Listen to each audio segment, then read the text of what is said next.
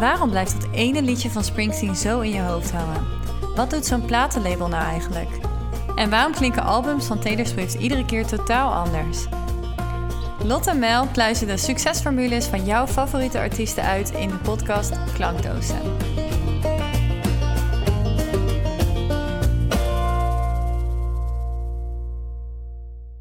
Welkom. Hi Mel. Hi. Zijn we er klaar voor? De allereerste Zeker. aflevering. Ik weet je dat ik het best wel een beetje spannend vind. Ondanks Ja. dat ik praten, dat ik er helemaal geen moeite mee heb. Maar toch... Nee? het- nee, nee, eigenlijk niet. Toch nee. niet? Nee, maar ik, eh, ik heb er wel heel veel zin in om Ja. eh, meer over haar te vertellen. En eh, eh, alles wat ik Over wie hebben we het dan? Over Taylor Swift. Oh. We gaan vandaag eh, de eerste aflevering doen over Taylor Swift. En deze aflevering staat volledig in het teken van haar achtergrond. Dus eigenlijk een beetje de basisinformatie eh, die ik kon vinden over haar. Dus nog niet te veel in-depth. Dat zal in de andere afleveringen Mhm. aan bod komen. Maar het is natuurlijk wel handig om te weten over wie we het hebben. Ja, misschien Ehm, handig. Ja, vertel. Misschien wel handig. Dus eh, in deze aflevering eh, zijn er een aantal onderwerpen waar we het over gaan hebben. Namelijk wat Taylor Swift haar achtergrond is. Een beetje over haar fanbase. Een beetje over haar onderscheidingen. ehm, en nog hier en daar wat speciale projecten die ze doet. En ik vind het gewoon leuk om met jou eh, verder te kletsen over nou ja, onze algemene meningen over Taylor Swift. eh, voordat we verder ingaan eh, op alles wat we hebben uitgezocht. Mhm. Taylor Allison Swift is een Amerikaanse songwriter. Ze is muzikant, ze is regisseur, ze is dichter en ze is actrice. Dus nou, wat is ze eigenlijk niet in het creatieve spectrum? Dat is heel grappig. Mhm. Eh, ze werd internationaal bekend met het nummer Love Story. En eerlijk gezegd was dat ook het allereerste liedje voor mij persoonlijk wat ik van haar hoorde. En ik weet a het. love story. Baby, just say. Ja, precies. Ja. Ja, die dus. ken hem Eh, toevallig. nou, echt, ja. Eh, maar ik, ik weet ook nog precies, eh, volgens mij was het bij X Factor dat ik haar, eh, of in ieder geval een liedje, dit liedje van haar voor het eerst gecoverd hoorde door een van de kandidaten van X Factor. Mhm. En ik weet nog dat ze een stukje van die videoclip lieten zien van Love Story. En nou ja, voor degenen die Love Story, de videoclip, niet kennen. Het is echt een super romantische setting. bijna alsof ze uit een Jane Austen boek gelopen is.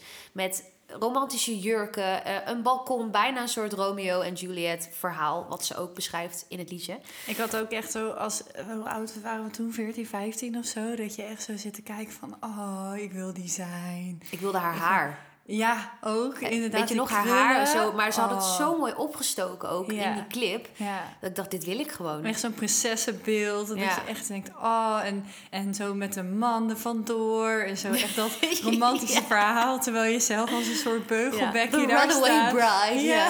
Precies. Ja, ja, ja. Nee, ja, precies. Dus dat was mijn eerste eh, ja, ontmoeting eigenlijk met, met Taylor Swift. En later is ze ook nog doorgebroken met de nummers You Belong With Me, I Know You Were Trouble, eh, Shake It Off, Blank Space, Look What You Made Me Do, Me. En als laatste natuurlijk van haar eh, meest recente album Anti-Hero. Haar vader heet Scott Swift en haar moeder heet Andrea Swift. En verder heeft ze nog een broer die acteur is, Austin Swift. Oh, die wist ik helemaal niet. Ja, Weet ja. je waar die in speelt? Nee, dat weet ik eigenlijk niet. Zo, zo diep heb ik eigenlijk verder niet eh, eh, onderzoek gedaan. Ja. Ehm, en verder, eh, dat is voor jou ook wel leuk als kattenliefhebber. En stiekem hebben we hier in onze mooie home studio ook een, een ketto aanwezig. Voor degenen die kijken, die zien Ja. de, inderdaad de prachtige Ketto. Hangmat hierachter. Ja, precies. Maar ze heeft dus twee Scottish Fold. Meredith Grey, die heeft ze vernoemd naar de, een karakter van Grey's Anatomy. Ah. En ze heeft nog een andere kat, Olivia Benson, eh, vernoemd naar een Law and Order character. En sinds eigenlijk de videoclip van Me, eh, dat was haar album Lover, daar heeft ze zo'n kleine ragdoll cat. eh, en die heet Benjamin Button, ook van de, van de Oh. film Benjamin Button.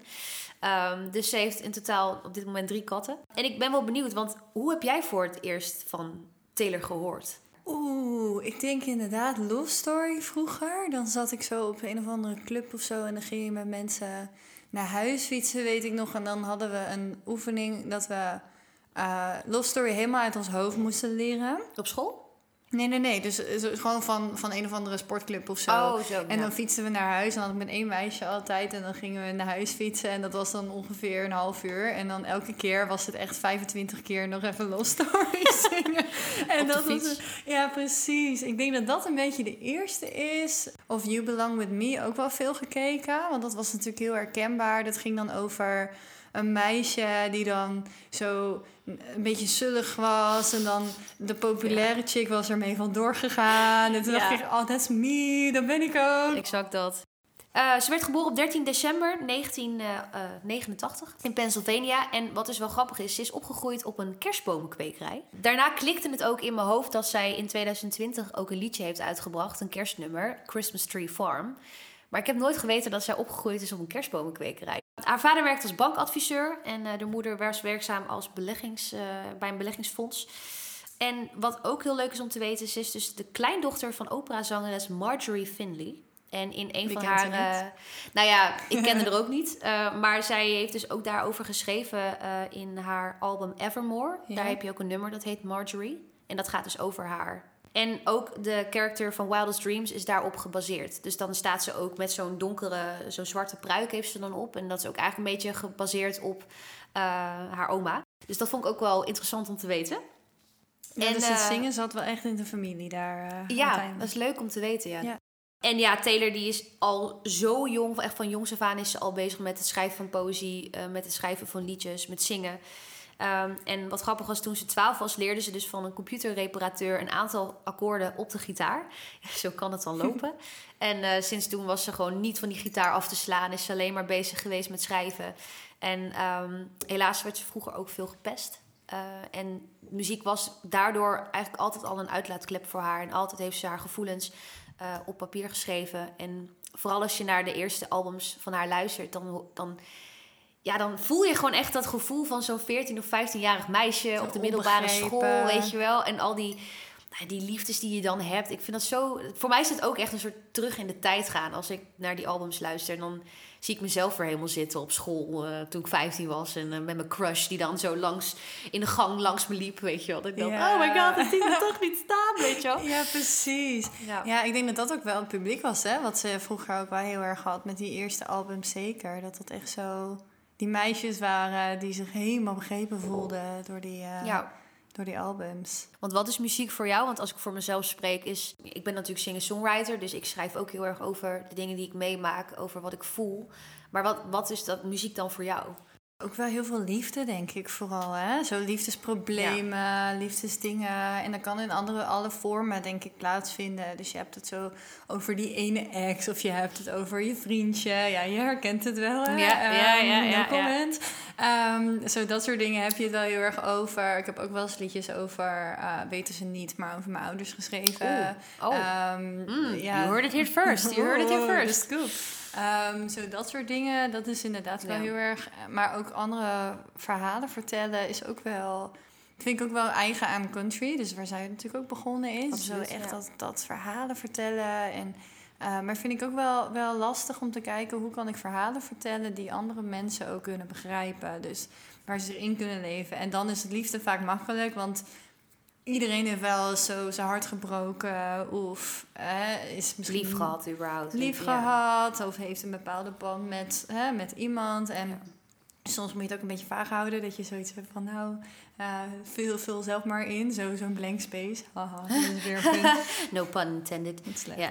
Ehm, maar ja, zo, ja, je moet zo, zo een lege ruimte overlaten voor mensen om te kunnen interpreteren, denk ik. Eens. Ja, en verder, zij heeft dus eh, als muzikale voorbeeld, dat vond ik ook wel leuk om te lezen, eh, Shania Twain, maar ook Leanne Rimes, Tina Turner en Dolly Parton. Dolly Parton is ook echt een van mijn favorieten. En ze is dus vernoemd naar de songwriter James Taylor. Wist je dat? Nee, wist ik helemaal niet. Nou, Oké. ken je James Taylor? Nee. Jawel. Niet? Nee? Van het eh, nummer ook You've Got a Friend. Die heeft hij ook Ah. gedaan. Hij is echt een hele grote eh, songwriter Ja. ook. Dat is een van de nummers hoor, die hij ook eh, gedaan heeft. Maar daar zou je ook eens naar moeten luisteren. Hij heeft echt hele mooie, Nice. hele mooie liedjes ook. Ja, dus het was eigenlijk al een beetje gedoemd om zo te lukken. Ja. Als ze daar zo al Had zo moeten was. zijn, En ja, familie. precies. Ja, Ja, ja, ja. precies. Als ze moeten zijn. Ja, het is gewoon een uitlaatklep. Het is gewoon iets wat in haar zit en in haar leeft. En eh, ja, dat is gewoon mooi om te zien. En ze was ook een van de jongste songwriters ooit aangenomen bij uh, de Sony Publishing. Op haar veertiende werd ze al aangenomen. Crazy. En in haar tijd dat ze... Ze zijn op een gegeven moment ook naar Nashville verhuisd op uh, zeer jonge leeftijd. En daar ging ze dan naar school. En dan kwam haar moeder Andrea, die kwam haar weer ophalen van school. En dan brachten ze weer naar uh, zo'n writing sessie met allemaal hele toffe grote Nashville songwriters. En nou, dan ging ze daar weer verder werken aan haar muziek. Dus het zat er al heel jong in. Ja, ze, die ouders hebben dan zeker echt wel veel geïnvesteerd. ook, ja, geïnvesteerd. Dat die goede banen hadden, als ik het zo hoor, dat dat wel kan. Maar ja. echt op je veertiende, stel je voor. Ja.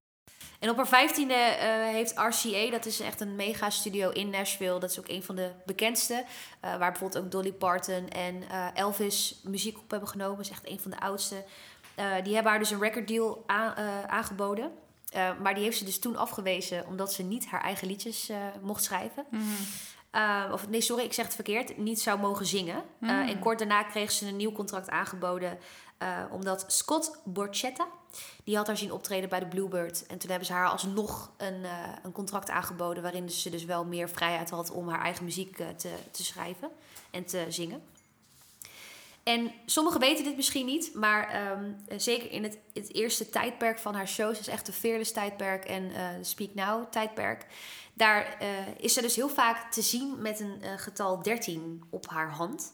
het getal 13 is haar geluksgetal ook, omdat zij, nou dus op de 13e van december is zij geboren. Maar ze werd bijvoorbeeld ook 13 op vrijdag de 13e. Dus het, het, ging echt een beetje een soort eigen leven leiden, weet je wel. En haar single, of haar album werd goud binnen 13 weken. En zo keert het eigenlijk elke keer uh, terug. En als ze bijvoorbeeld ook wel eens op, uh, op Tumblr zit of op internet ergens, dan comment ze 13 emojis. Het intro van haar lied is bijvoorbeeld 13 seconden. Of in de videoclip van Me bijvoorbeeld, dan loopt ze op een gegeven moment door een zaal met allemaal wolken en het zijn 13 wolken. En op een album staan 13 liedjes. Dus op een gegeven moment is het echt een beetje een soort eigen leven gaan leiden. Ja, ze gaat er ook heel ver in, hè? En dat soort dingen altijd. Ja. Oh ja. Ja, daar komen we zo nog wel ja, terug, oh, you're in for a treat. You're in for a treat. Door de jaren heen heeft Taylor de volgende albums uitgebracht. We noemen het net al even kort. Het debuutalbum was Taylor Swift. Dat is voornamelijk country georiënteerd. Daar stonden ook liedjes op van Tim McGraw. Nou, dat is ook een van een hele grote countryster in Amerika. Daarna kwam uh, het album Speak Now. Deze was ook nog steeds country georiënteerd. En toen kwam ze uit met het album Red. En hierbij ging ze al wat meer experimenteren met de popmuziek ook. En dat is best wel goed terug te horen in de verschillende liedjes. Sommige zijn heel erg country. Sommige hebben een mix. Sommige zijn echt veel meer poppy. Daarna volgde haar allereerste popgeoriënteerde album 1989. En fun fact, ik ben naar deze tour geweest van haar, van 1989. Um, in de Ziggo Dome. Daarna volgde haar album Reputation. Uh, en met dit album verscheen ze na het hele gedoe rondom uh, Kanye West met het nummer Famous. Hij heeft toen een nummer uitgebracht en ja, volgens mij heeft hij daarin gezegd... Uh, I made that bitch famous of zo, zoiets heeft hij daarin gezegd. Dus daar was een heel, heel gedoe om. Um, en met het album Reputation zijn ook invloeden van R&B en hip-hop en EDM te horen. En dat was ook echt in één keer een hele switch tussen hetgene wat ze ooit gedaan had vroeger. Um, en daarna kwam ze weer met complete the opposite met Lover. Dat is alleen maar daydreams en butterflies en alles is blij en echt een mega contrast. En in de tijd van uh, corona kwam ze uit met Folklore en Evermore. Uh, veel meer, meer folky en indie georiënteerde albums. En natuurlijk haar meest recente Midnights, wat weer heel erg pop georiënteerd is. Uh, ik ben wel nieuwsgierig. Wat is eigenlijk jouw favoriet album van haar? Oh, dat is een hele moeilijke. ja, die is sneaky, hè? Ja, die ik ben er hier natuurlijk zelf ook weer heel erg ingedoken. Um, Red, toch wel heel erg zo de soort van de OG waar ik zoiets had van... oké, dit is echt super vet. Dat is bij mij heel erg Red geweest. Maar um, ik ben zelf veel meer van de indie. Dus uh, toen begon op een gegeven moment... Uh, ja, ze kwam uit met Folklore en Evermore. Ik zou daar misschien denk niet zo goed tussen kunnen kiezen. Maar dat is toch wel veel meer mijn stijl geweest. Maar nu kwam Midnight, ja, eigenlijk alles natuurlijk. Maar toen kwam Midnight uit en dacht ik, oh, dat is zo vet. Dus er weer zo'n nieuwe stijl uitgevonden. Maar ik denk als ik echt moet kiezen, dat het dan um, Folklore of Evermore zou moeten zijn. Bij jou? Ik vind het ook heel lastig. Maar dan denk ik toch Red. Want ik, ik weet nog toen die dus de, re, de re-release daarvan kwam. Mm -hmm. En toen ging ik weer naar die muziek luisteren. En toen dacht ik echt... Wow, ik wist eigenlijk helemaal niet dat dit zo'n favoriet album van mij was. Want ik ging toen die liedjes weer luisteren en ik zat er weer helemaal in. En Ik was weer terug op mijn fiets dat ik reed naar school. En toen weet ik nog dat ik, dat ik vooral dat nummer eh, Everything Has Changed. Vond ik echt te gek van haar en Ed Sheeran. En Red was ook het eerste album waarop ze eh, duetten ook heeft ge- gereleased. Ehm, dus ik ging weer helemaal terug in die liedjes. En toen dacht ik echt, ja, ik denk dat Red dan echt wel mijn, mijn favoriete album is van Snap haar. ik. Maar dan nu gaan wij het hebben over haar fanbase. Je stipte ze net al eventjes kort aan. Ehm, maar Taylor heeft echt miljarden fans. Ze heeft zoveel fans op social media, eh, fans die naar haar concerten komen. En net zoals elke grote artiest heeft deze groep ook een naam. Als jij fan bent van Lady Gaga, dan zijn het de Little Monsters. Ben jij fan van Justin Bieber, dan ben je een believer. Maar als jij fan bent van Taylor Swift, dan ben jij een Swiftie. En eh, heel eerlijk, ik denk dat ik mezelf ook wel kan identificeren als Swiftie, maar niet een hardcore Swiftie. Want het vette met Taylor, haar eh, fanbase, is dat deze mensen zijn zo ontzettend loyaal. En ja, ze blijven altijd trouw aan wie zij is. En dat komt denk ik ook eh, omdat zij eh, zoveel geeft aan haar fans, zoveel doet voor haar fans. En dat is zo mooi om te zien dat je daardoor echt die, die loyaliteit behoudt. En dat, ja, dat dat ook niet uitmaakt in wat voor fase je zelf doormaakt als artiest. Maar mensen blijven gewoon altijd fan van hetgene wat je doet, omdat, ze, omdat je ze heel veel geeft. Ja, zij geeft heel erg het gevoel inderdaad dat ze er echt voor je is. Ja, Ook al ben je een van die miljoenen, whatever, hoeveel Ja, er zijn absoluut. inderdaad. Ja. Zo, je bent echt zo, je hebt het gevoel een soort van mama, mama Taylor die Ja. eh, er doorheen sleept wel. En dat kan door muziek, maar ook inderdaad zo door, door support op, op een of andere manier te laten blijken. Ook op social media en zo. Zeker. En het is gewoon leuk ook om te zien hoe deze groep fans dan ook tekeer gaat. Want ze maken eh, social media accounts over haar. Ze maken allerlei fan edits, bijvoorbeeld op TikTok of op Reels. Uh, ze sturen haar fanmail. Maken ze helemaal echt de gekste dingen. Je kan zo gek niet bedenken. En ze maken het. Ze sturen het haar op. Um, en komen natuurlijk naar de concerten. En er is zelfs online een hele Swiftypedia. It's a real thing. It's a real thing. Een Swiftypedia over alles van Taylor Swift. Zeg maar, als jij je helemaal wil inlezen op, op wie zij is en alle Easter eggs of wat dan ook, ga naar Swiftypedia en dan vind je alles. En nou, ik noemde het dan net al van, hè, zij, zij geeft heel veel aan, aan haar fans. Uh, bijvoorbeeld in haar videoclips, maar ook in haar liedjes. Zij vindt het heel leuk om dus ook hints te geven aan haar fans. Dus eigenlijk een soort Easter eggs. Mm -hmm. um, omdat zij zelf ook geniet van kleine dingetjes oplossen en zoeken. En die fans die eten het gewoon op, als het ware. Die vinden dat helemaal te gek. En het is bijna een soort manier voor haar geworden om te communiceren met haar fans. Um, en, en het wordt ook steeds gekker, weet je wel. Het gaat van, uh, van die booklets die in cd's zitten... dat ze alle tekst die daar dan in staat, de lyrics van de liedjes... die zijn allemaal met kleine letters... En alle capital letters, die, uh, als je die dus leest, dan komt daar een zin uit. Dat soort dingen maakten ze er allemaal van. Yeah. Maar het zit ook in videoclips. Het zit in de tekst gewoon überhaupt van liedjes. Uh, wat, wat, wat ze meemaakt, wat er met haar aan de hand is. En die fans die vinden dat te gek om dat te ontcijferen. En, ja. en het, het, gaat echt van ook kleuren op de nagellak... waardoor ze weer een nieuw album kunnen raden. Of een, misschien een bepaalde schildering op een muur in een videoclip... Uh, wat dan weer voor iets staat. Het is, het is echt bizar. Het is echt briljant, hè? Mensen is het ook, echt ja. zo in hangen. Ja, het is zo vet gedaan.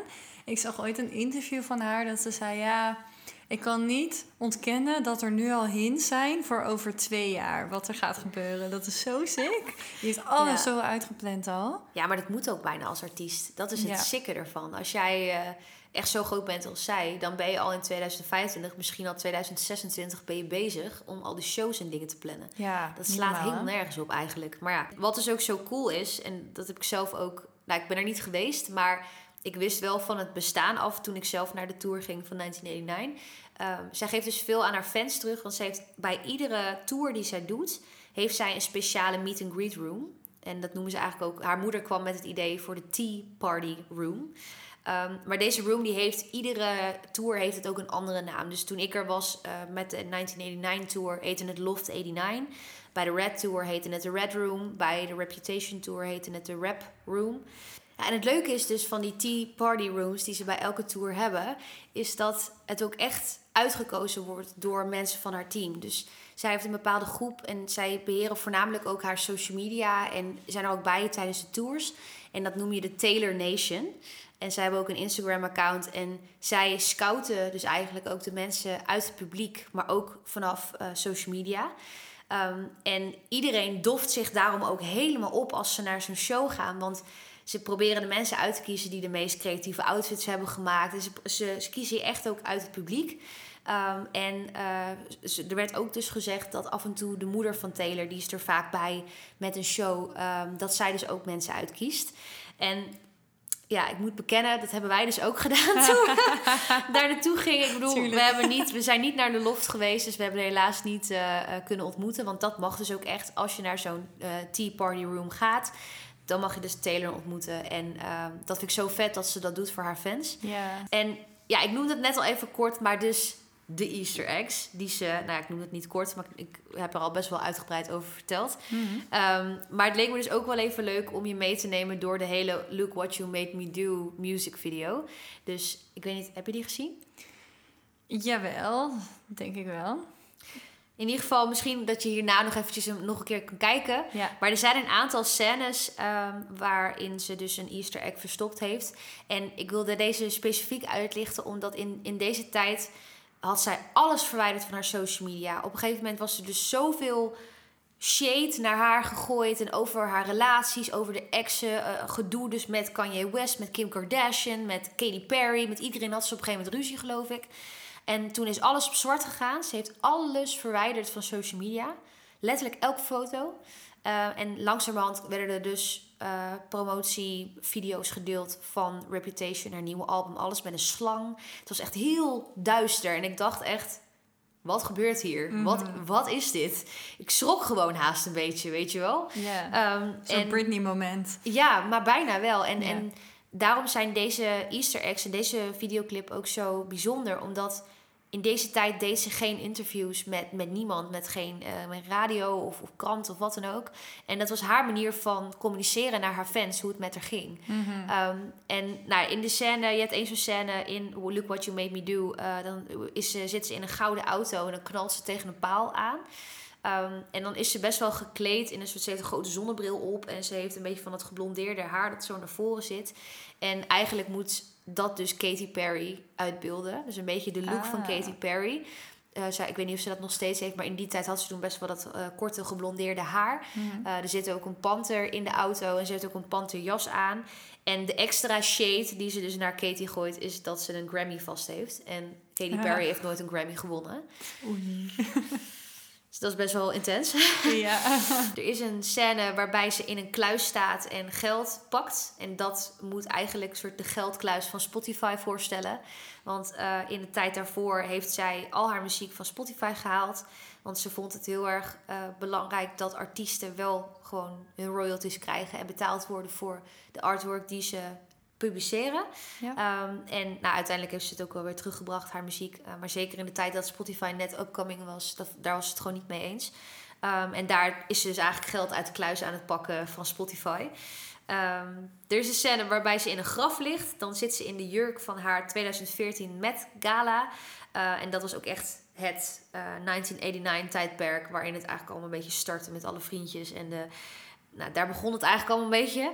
Um, en wat dus heel opvallend is, is dat zij uh, de hele 1989-era sluit ze af met de videoclip voor Out of the Woods. En dan zegt ze ook iets van een zin van... She lost him, but she found herself again. Zoiets, mm -hmm. niet exact in die woorden, maar wel die strekking. Um, en ze begint in diezelfde jurk waarin ze dus in Out of the Woods staat... begint ze ook weer haar videoclip met Look What You Made Me Do... Alleen is het in dit geval een soort zombie-versie van haarzelf. Maar wel opvallend dat ze weer diezelfde jurk gebruikt. Dus ze staat eigenlijk weer op uit de dood, als het ware. Hè, waar ze gebleven was, staat ze weer terug op in een nieuw tijdperk. Um, en als laatste, uh, dus ook de, staat de VMA's Taylor van 2009 staat er ook. Er is een scène waarbij eigenlijk alle Taylors van alle era's, die, die zijn te zien.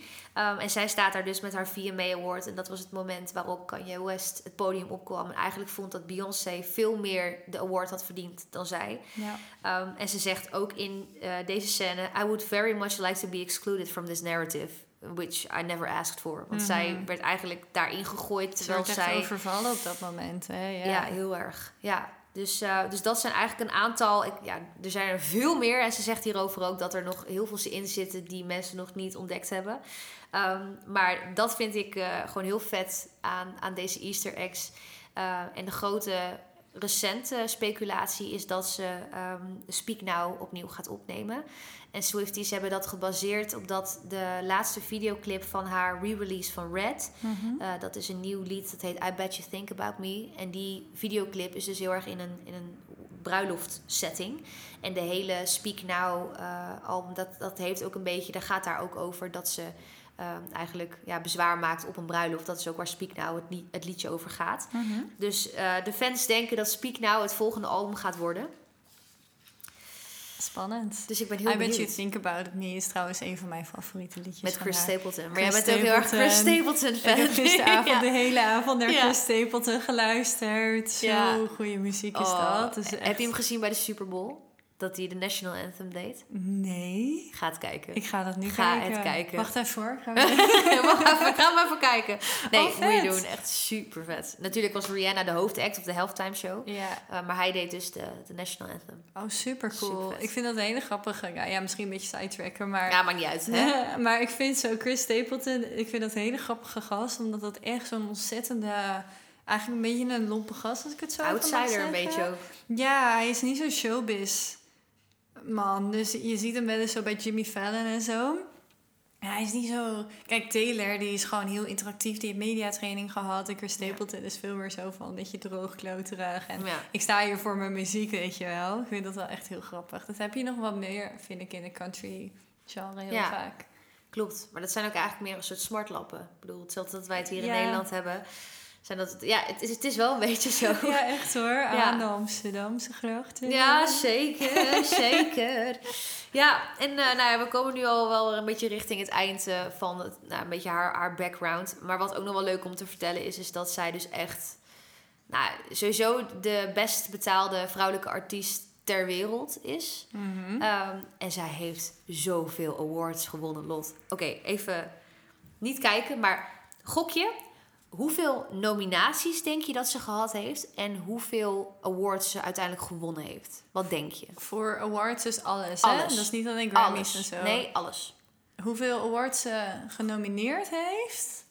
Eh 170. En gewonnen?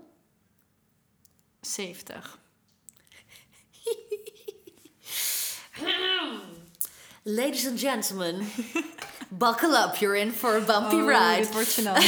zeg het, zeg het. Oké, ze is in totaal genomineerd voor 1110 awards. Waaronder dus ook Grammys. Ja. Um, en uiteindelijk heeft ze in totaal 551 Oh my God. awards gewonnen. Dat is 551. Ja. Ja, je weet ook niet Wat? wat voor soort, maar echt holy shit. Ja, maar echt van alles, weet je wel. Die Ja. American eh, Music Awards, de MTV Awards. eh, ja, je hebt er natuurlijk ook best wel veel. Ja. Veel soorten verschillende awards. En als artiest eh, kan je ook in verschillende categorieën vallen. Voor je videoclip, of voor een single, of voor gewoon beste entertainer. Of, je, je hebt er natuurlijk zoveel. Je hebt natuurlijk die ene foto Ja. dat zij echt met haar handen zo vol met die Grammy staat. Ja. Echt zo van, bitch please, ik sta hier gewoon lekker met mijn Grammys. Ik ga naar huis, doei. Oh my god, ja, ze kan echt gewoon een behang maken met al die Grammys, denk ik. Ze Echt kan echt eh, een hele kast gewoon vullen, als het niet meer is. Ja, het is echt niet normaal. Maar ik vond het wel leuk om dat er nog even in te gooien en te laten weten dat zij, ja... Zij is denk ik wel een, een van de top vrouwen, vrouwelijke artiesten op dit moment. Aller tijden Alle misschien tijden wel, misschien wel. Zeker commercieel gezien. Maar Absoluut, daar ga ik ja. later meer over vertellen. Oh. Ja, en verder, ehm Taylor is natuurlijk niet alleen zangeres of singer-songwriter, maar eh, ze heeft ook in 16 films gespeeld. Ehm, waar is vaak ook wel gewoon kleine rolletjes en veel hiervan zijn ook eh, documentaires of live opnames tijdens een tour. Ja. Eh, maar ja, dat, dat wordt wel gezien als een, als een film. Eh, waaronder dat ze in Valentine's Day gespeeld heeft. In Cats, waar ze ook een eh, nummer heeft, voor heeft geschreven met Andrew Lloyd Webber. Super vet. En in haar meest recente film Amsterdam. Ja, ze is ook director. En dat is, vind ik, een van de nou, vetste dingen ook wel aan haar. Is dat sinds haar eh shortfilm For All Too Well... dat was bij haar eh, re-release van Red... Ja. eh, daar is een short film gemaakt. ehm, en dat nummer is ook een beetje een soort opgeblazen. Ze heeft het nooit als single uitgebracht in de tijd dat de eerste Red uitkwam. Ehm, maar onder de fans is dit, is dit ook een eigen leven gaan leiden. En niemand wist ook dat de originele versie 10 minuten lang was. Niet Hoe normaal. dan? Echt. Echt, maar die doorschrijven, die, tekst? meid. Maar ja, zij heeft er heel erg tof van afgeschreven. Want dat was met die Jake Gyllenhaal. Dat dat ehm, Klopt, ja. hele drama was natuurlijk. En Ze Ja. hebben eigenlijk maar kort gedate, dacht ik. Maar ja, uiteindelijk toch wel heel erg pijn gedaan. En dat, dat is zo bizar dat zij dan zo'n song- songwriter is... die daar gewoon van zich af blijft schrijven... en dan in één keer tien minuten lang een nummer maakt. En elke keer is het toch een beetje anders. En elke keer met die tekst zitten we weer zo terug in dat, dat jonge meisjes. Oh, Ja. ik snap het.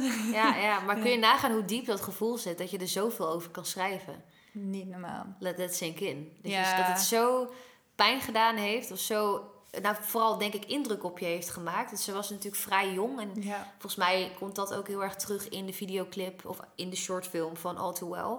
Hij was al redelijk eh, oud en op een gegeven moment vond hij haar te kinderachtig of wat dan ook. Maar ze was ook super jong. Volgens mij was ze echt 19 of zo. Ze was echt heel jong. ja, dan ben je al zeker. Dan voel je je nog extra aan de kant gezet. En dan Ja. gaat dat natuurlijk helemaal mis. Ja, en bij Ja. zijn vrienden ook volgens mij, weet je, dan zit je toch een beetje in een groep met allemaal ouderen en je kan niet echt meekomen dan. Ik kan me dat best wel voorstellen, dat je dan een beetje, ja, niet, tenzij je natuurlijk een vriend hebt die jou daarin meeneemt en dat het ook niet uitmaakt. Ja. Maar ehm, ja, dus, dus zij is nu heel erg die weg aan het inslaan van echt director en ook heel veel van haar nieuwe videoclips van Midnight, zoals Anti-Hero en Bejeweled. Dat heeft ze ook helemaal zelf eh, geregisseerd. En nou, de meeste dingen regisseert ze ook wel zelf.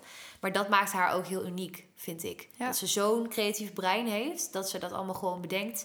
En wat ook tof is, is dat ook best wel wat awards heeft gewonnen. En dat vind ik wel even leuk om te noemen, want die hele lange lijst van die 551 awards, daar gaan we niet helemaal niet doorheen. klaar. We zijn morgen nog niet klaar. Ehm, maar zij heeft bijvoorbeeld eh, voor de All Too Well short film... heeft zij een American Music Award gewonnen, een Grammy Award... een Hollywood Critics Association Award... eh, een Art Directors Guild Award, wat heel bijzonder is... Want, omdat ze natuurlijk nog redelijk nieuw is in het hele directors wereldje... is dat best wel bijzonder. Mhm. Ehm, en dus ook een MTV Video Music Award eh, van Best Video of the Year ehm, en Best Direction. Dus dat is super cool. En dat is eigenlijk voornamelijk de achtergrond van Taylor Swift. Wat ze allemaal doet in een, een beetje een notendop. Dat is nog wel een redelijk lang verhaal. Maar ja, je kan ook uren over, over haar praten. Yep. Gaan we ook Ehm, doen. Gaan we ook doen. Gaan we ook zeker doen. Ja, Ja. en ik, ik heb verder gewoon nog wat, eh, wat vragen voor je. Wat ik gewoon leuk vind om ook jouw mening daarover te weten. Want wat vind jij een van de beste eigenschappen van Taylor? In hoeverre je er kent. Oeh, dat is, ik vind haar echt een badass businesswoman. Dat vind ik zo ziek. En ja, nogmaals, er komt later een aflevering over, hè, waar we daar dieper ook op ingaan. Maar hoe zij, zij heeft echt een hele industrie durven eh, herdefiniëren. Dus zij is echt gewoon gaan kijken, oké, ik ben het hier niet mee eens. Ik ga dat zelf doen. En die is zo slim met die fanbase omgegaan en met haar business. En Tuurlijk, zij is ooit begonnen als, wat je zei, een 15-jarig meisje wat ergens gaat tekenen. Ja, dan ben je nog niet een, een zakenvrouw, dan ben je nog een meisje. Tuurlijk. Ehm, dus daar is ook toen van alles misgegaan. Maar die heeft dat zo naar zichzelf weten te draaien en die durft dat gewoon aan. En ik denk zeker als je al zo lang in de business zit, je zit al zo lang in de muziek en die is al zo lang groot dat je wel ehm, heel veel leert en veel moet doen. Maar als jij continu jezelf opnieuw kan uitvinden ehm, na zo lang, want uiteindelijk, ja, hoe lang zit ze al in de business? Wat, zeven, 17 jaar of zo? 16, Ja. 17 jaar? Zoiets, als het niet langer is. Dat is echt lang, hè? Dat is de helft van haar leven. Zit Ja. zij al in de muziek en heeft zij zich continu opnieuw eh, kunnen uitvinden. Want nu zie je, nou, net is Midnights uit, een nieuwe album. Hoe, hoe ziek goed dat is gegaan. Ehm, Alle records verbroken, Alle records streaming verbroken. dingen verbroken. Niet normaal. Dus die heeft dat zo weer opnieuw uitgevonden. En daar kun je toch niet anders dan respect voor hebben. Of je de muziek niet goed vindt of niet. Ik denk dat die heeft dat zo slim aangepakt. Die is gewoon, ja, wat we zeiden, hè, de meest succesvolle artiest. Misschien wel vrouwelijke artiest van alle tijden. Gaan we een commentaar op krijgen. Want je hebt ook een Beyoncé. Je hebt ook een. Je hebt heel Uiteraard. veel fantastisch. En zeker mee eens. Maar ik vind Taylor niet de allerbeste technische zanger. ehm, maar wel de allerbeste businesswoman. Nou, het totaalpakket. Het totaalpakket, Ja. precies. En dat is gewoon ook grappig dat het ook niet altijd eh, hoeft, zo hoeft te zijn dat je de beste zangeres bent. Maar Nee. als jij een unique selling point hebt, wat bij haar gewoon het, het vertellen van verhalen is, de storytelling. En natuurlijk gewoon haar performance en alles, het, ja, het totale pakket. Dan Ja. heb je iets unieks. En dan maakt het ook niet uit. Dat is super vet. Ja. Ik heb nog één laatste afsluitende vraag voor je. Tell me. Ehm, en, en die vind ik ook gewoon heel interessant eh, wat je zou kiezen. Als je één dag in haar leven zou mogen meelopen met haar, wat voor soort dag zou dat dan zijn? Thuis met de katten. nee, oké. Ook. Ook. Ehm, nee, wat, ik zou dat s'avonds doen. en oh ja, dan- nee, ook even de katten aan. Ja, precies. Ja, ja, ja. Ehm, nee, ik vind haar creatief proces heel vet. En ik denk dat we daar allebei meer over gaan vertellen hierna. Maar in de volgende afleveringen. Maar ehm, je ziet wel eens filmpjes online van hoe zij nummers schrijft. En hoe zij de hele arrangementen eromheen bedenkt. En zeg maar echt die chille vibe in zo'n, in zo'n studio. Dat lijkt me echt zo cool. En zeker ook als leren muziekproducent vind ik dat zo vet om dat te zien. Hoe ze dat eh, alvast bedenkt. Want zo de techniek erachter komt vanzelf wel, weet je wel. Maar Ja. echt zo dat, dat creatieve proces, daar zou ik gewoon een keertje naar willen kijken. En gewoon een soort van de magie willen zien eh, in real life. En mee kunnen denken. En eh, ja, dat lijkt mij echt het allervetste wat je kan doen. Nou, super. Dit was de eerste aflevering van Klankdozen over Taylor Swift. In onze volgende aflevering gaan we meer in over haar songwriting ehm, en haar techniek en wat ze toepast. Eh, ik ben heel benieuwd eh, wat jij er ook van gaat vinden. Dus we Ik zien ben je graag. benieuwd wat je hebt opgezocht. Zeker, ja. Dus eh, we zien je graag bij de volgende aflevering. Top, thanks. Doei! Doei!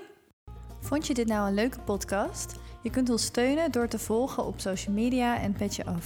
Laat ons vooral weten welke artiesten we hierna moeten uitpluizen. Tot de volgende!